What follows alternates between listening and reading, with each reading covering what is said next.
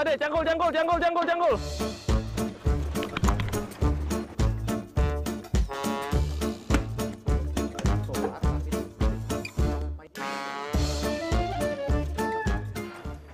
Waduh, tinggi juga ya.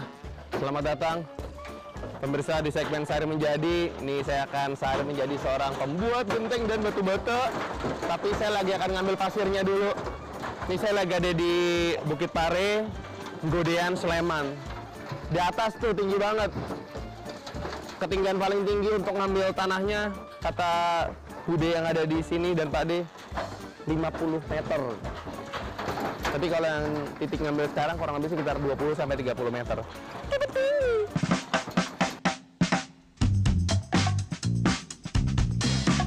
Saya 90. Di tengah banyaknya pilihan bahan atap, mulai dari asbes hingga metal, genting dari tanah liat masih jadi primadona bagi sejumlah warga. Salah satu tempat pembuatan genting dan bata ada di Dusun Jomboran, Kelurahan Sidorejo, Kapanewon, Godean, Kabupaten Sleman, Daerah Istimewa, Yogyakarta. Aktivitas warga yang menggantungkan hidup dari genting dan bata dimulai dari tempat ini. Setiap hari, puluhan warga dusun Jomboran mengambil tanah di sekitar Bukit Pandawa atau warga menyebutnya Gunung Pare. Tanah liat di tempat ini terbagi menjadi dua jenis. Pertama, tanah liat halus dengan tekstur berpasir. Kedua, tanah yang cenderung kasar dan bertekstur seperti batuan. Kedua jenis tanah ini sama-sama diambil untuk diolah menjadi adonan bata dan genting. Tinggi juga, Bude. Masih jauh ya? Masih. Masih sekitar 25 meter. Wah. Beberapa titik kemiringannya 45 derajat. Saya diajak padi ke yang 50 meter. Wah, tinggi sekali. Meski tanah liat halus ini tidak sulit diambil, lokasi yang memiliki kemiringan hingga 50 derajat membuat saya kepayahan. Dan tiba-tiba cangkul yang saya bawa terjatuh. Pade, cangkul, cangkul, cangkul, cangkul, cangkul. Aduh. Mau naiknya susah. Bila kemiringan bukit begitu menyulitkan bagi saya, tidak demikian dengan para pekerja yang sudah sehari-hari menambang tanah liat di sini. Lewatnya tuh kalau ini. Nih. Oh, miring. ini. Kan. Oh, sambil jinjit. Eh, merosot, Rek. Ya, yang penting bisa naik lah, walaupun aneh gayanya.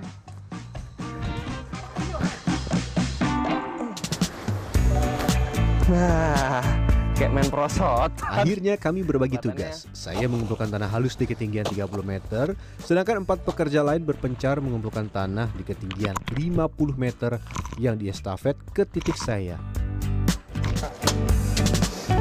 Tanah halus ini kemudian diserok ke dalam jalur tanah buatan dan akan ditampung ke dalam truk-truk besar di bagian bawah. Saya harus pandai-pandai mencangkul tanah sembari menjaga keseimbangan agar tidak terjatuh.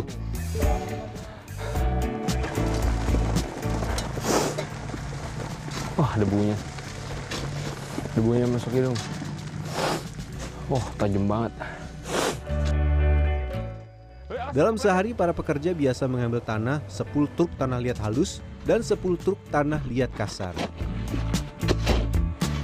Ini nggak gitu keras nih. Enggak. Nih, tuh, hancur. Dan batu-batu yang seperti ini atau tanah-tanah yang seperti ini, ini memang yang tetap dibutuhkan ya. Jadi nggak halus semua, tapi tetap ada yang sedikit seperti ini.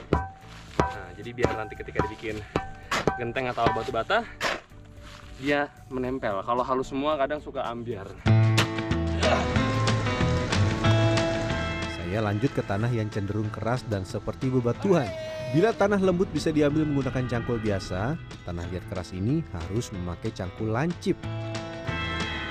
Tugas saya di atas bukit sudah rampung, kita lanjut ke bagian bawah. Khusus untuk tanah lembut, sebelum dikirim akan dihaluskan menggunakan mesin penggiling supaya lebih mudah ketika diolah. Satu bak truk tanah liat halus ini dihargai Rp100.000.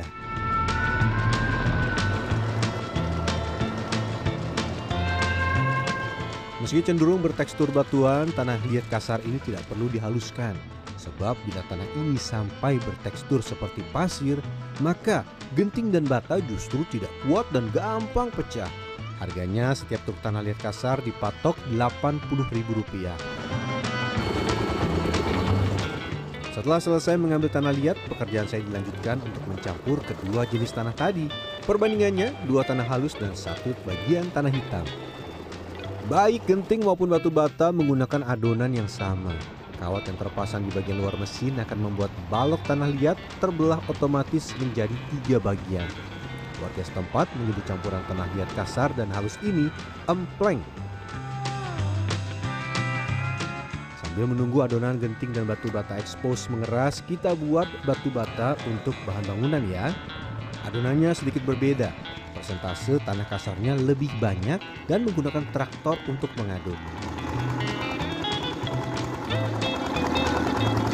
Lumayan batu-batu yang tadi agak keras yang saya injek, ini berasa di kaki, dia semakin mengecil. Dengan diaduk menggunakan traktor, batuan keras akan mengecil, namun tidak hancur sepenuhnya. Nah, bagi saya, traktor ini sangat sulit untuk dikendalikan. Selain karena belum terbiasa, tanah yang lengket membuat langkah semakin sulit. Tanah yang semakin lengket ini menjadi penanda adonan siap dicetak menjadi batu bata. Oh iya, tanah liat harus didiamkan terlebih dahulu selama beberapa hari agar padat dan tidak ambiar ketika dibentuk. Sebelum tanah liat dipres pipi menjadi genting, oleskan minyak solar dan jelantah. Ini diperlukan agar genting tidak lengket di mesin pres dan tanah tidak mudah pecah. Dah, Masukin. dorong. Ininya yang di Oh, oh ya, ini jadi dorong nggak kan? Nih, mentok, hati-hati. Dah, udah mentok. Terus ya. siapain? Putar. Ya, tar, tar, tar, tar. Ini. Astagfirullahaladzim. Sini, sini, Oh. gini, gini, gini, gini, gini. Gini. Liatin dulu ya. Liatin. Nih. Satu, dua, tiga. Sah. Sah. Mana tadi? Ya, masnya. Alhamdulillah. Nah, jangan terlalu banyak menekan ya. Nanti genting terlalu tipis dan tidak sesuai standar.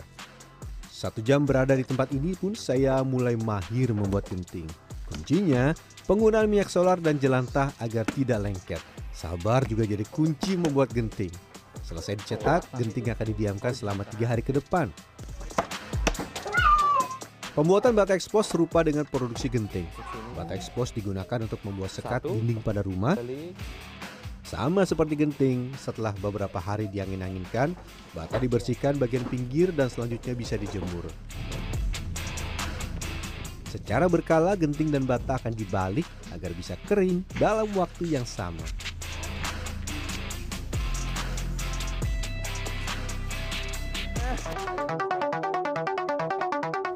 Eits, jangan lupa kita masih harus membuat bata untuk bangunan. Bedanya, bata jenis ini tidak memakai mesin pres, melainkan dibuat secara manual. Kenapa apa bisa? Perbedaannya kalau dengan batu bata yang tadi itu kan untuk hiasan lah bisa dikatakan dan biasanya sih nggak dipakein eh, cat lagi dan buat di bagian agak-agak luar lah bisa dikatakan. Kalau ini biasa untuk ngebangun batanya ya. Di bagian dalam yang buat dicampur dengan semen. Kita lanjut ke proses pembakaran. Baik genting, bata expose maupun bata bangunan yang sudah kering akan disusun sedemikian rupa di dalam tungku pembakaran. Kenapa harus dibikin zigzag seperti ini? Ada rongga-rongga. Jadi ketika nanti dia dibakar, dia bisa masuk sampai ke bagian atas. Karena kalau nggak diberi zigzag, dia nanti nggak ada ruang buat asap, nggak ada ruang buat panas. Yang bawah matang bahkan cenderung gosong. Tapi yang atas masih dalam tanda kutip mentah. Jadi nggak rata. Mau dibakar ulang pun bingung karena belang. Jadinya ya gagal produksi bisa-bisa rugi. Jadi harus bikin zigzag. Ada rongga-rongga. Pembakaran tidak dilakukan setiap hari. Biasanya sekali dalam sepekan atau menunggu sampai tempat pembakaran penuh. Sekali proses pembakaran bisa menampung hingga 10.000 genting atau 10.000 batu bata. Bagian tepi tungku juga harus ditutup dengan tanah liat agar tidak banyak udara panas yang keluar saat pembakaran. Nah, proses pembakaran berlangsung selama 15 jam dengan suhu mencapai 600 derajat Celcius.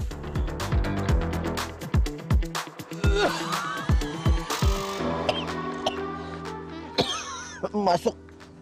Dikencek.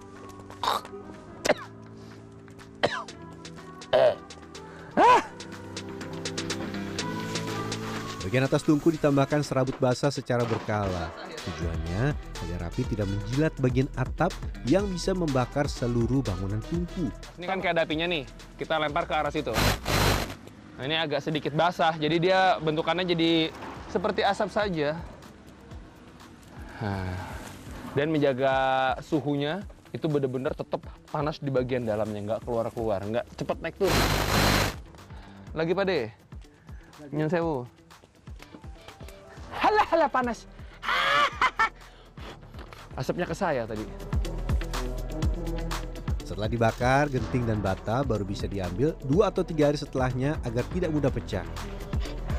Genting dan bata siap pakai dijual satuan dengan harga 1000 sampai 1500 rupiah. Dalam sebulan tempat ini bisa memproduksi 30.000 genting dan batu bata. Omset per bulannya tentu saja fantastis, bisa mencapai 40 juta rupiah. Tapi tentu ada resiko di balik omset puluhan juta. itu pas kejadian udah beberapa tahun yang lalu eh, ambil gentengnya itu ambil tanahnya itu kan tinggi. Itu ada yang terpeleset jatuh sampai ke bawah. Terus juga ada yang ibu-ibu juga ikut ikut eh, ambil tanah itu eh, ketimpaan tanah karena longsor. Itu sampai meninggal loh mas Bagaimana? Tertarik menjadi pengusaha genting dan batu bata? Kalau buat saya, bagian tersulit adalah mengumpulkan tanah. Selain menguras tenaga, saya juga harus menjaga keseimbangan agar tidak terjatuh. Rian Fernando, Dwi Agung Yuldiarto, Kabupaten Sleman, Daerah Istimewa, Yogyakarta.